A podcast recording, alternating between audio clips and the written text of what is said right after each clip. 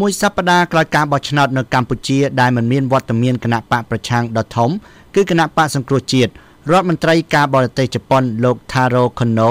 បានហៅការបោះឆ្នោតមួយនេះថាជាការខកចិត្តមួយប្រទេសជប៉ុនដែលបានគ្រប់គ្រងទាំងផ្នែកហិរញ្ញវត្ថុនិងបច្ចេកទេសដល់គណៈកម្មាធិការជាតិរៀបចំការបោះឆ្នោតហៅកាត់ថាកោជបបានរក្សាភាពស្ងៀមស្ងាត់បន្ទាប់ពីការបោះឆ្នោតនៅកម្ពុជា ជប៉ុនបានបញ្ជូនអ្នកសង្កេតការបោះឆ្នោតមកកម្ពុជា កាលពីការបោះឆ្នោតឆ្នាំ1993ឆ្នាំ1998ឆ្នាំ2003និងឆ្នាំ2008ប៉ុន្តែมันបានបញ្ជូនអ្នកសង្កេតការបោះឆ្នោត កាលពីថ្ងៃទី29ខែកក្កដាឆ្នាំ2018នោះទេបើយោងតាមទូរទស្សន៍ជប៉ុន NHK រដ្ឋមន្ត្រីការបរទេសជប៉ុនលោក Taro Kono បានសម្ដែងនៅការព្រួយបារម្ភលើការបោះឆ្នោតនៅកម្ពុជា នៅចំពោះមុខសមាភិកីរបស់លោក គឺលោកប្រាក់សុខុនរដ្ឋមន្ត្រីការបរទេសកម្ពុជា នៅក្នុងកិច្ចប្រជុំមួយនៅប្រទេសសង្ហបុរីកាលពីថ្ងៃសៅរ៍លោក Taro Kono ត្រូវបានដកស្រង់សម្ដី និងមានអត្ថន័យដើមថាខ្ញុំបានប្រាប់លោកប្រាក់សុខុនថាលទ្ធផលបោះឆ្នោត គឺជាការខកចិត្តមួយតាមផ្លូវច្រើនយ៉ាងខណៈសัญลักษณ์ឆ្នោតច្រើនត្រូវបានចាត់ទុកថាមិនបានការបើទោះជាប្រទេសជប៉ុនបានផ្ដល់ការគ្រប់គ្រងរបស់ខ្លួនដើម្បីធានាថាការបោះឆ្នោតបង្ហាញពីឆន្ទៈរបស់អ្នកបោះឆ្នោតលោកក៏បានជំរុញឲ្យរដ្ឋាភិបាលកម្ពុជា បន្តនៅដំណើរការលទ្ធិប្រជាធិបតេយ្យ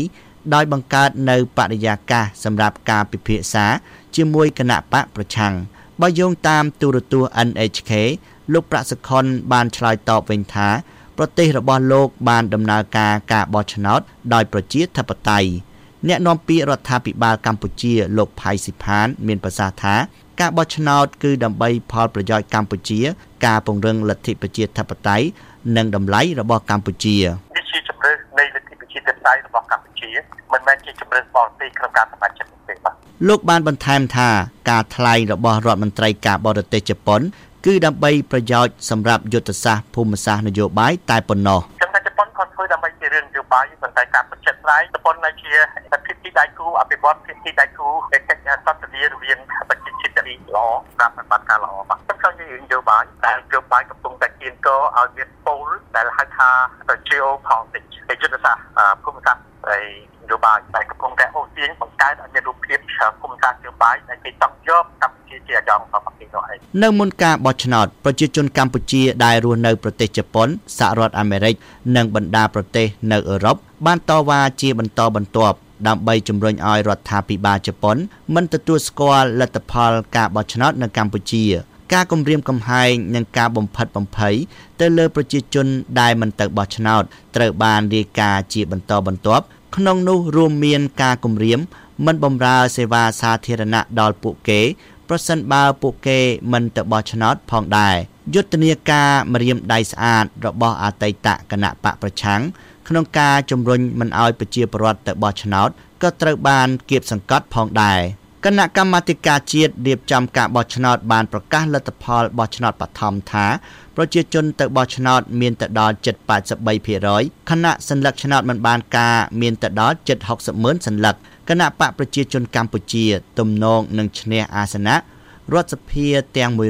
125គួរបញ្ជាក់ថាក្រោយការបោះឆ្នោតសហរដ្ឋអាមេរិកសហភាពអឺរ៉ុបប្រទេសអូស្ត្រាលី និងប្រទេសកាណាដា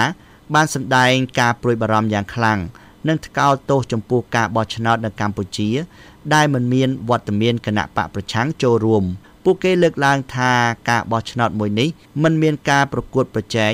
និងមិនបានបំពេញតាមឆន្ទៈរបស់ពលរដ្ឋទោះជាយ៉ាងណា ប្រទេសចិនដែលជាសម្ព័ន្ធមិត្តចាក់ទឹកមិនលិចរបស់កម្ពុជា បានប្រកាសគាំទ្រលទ្ធផលបោះឆ្នោតមួយនេះរាយការណ៍ពីរាជធានីភ្នំពេញ ខ្ញុំសុននរិន VOA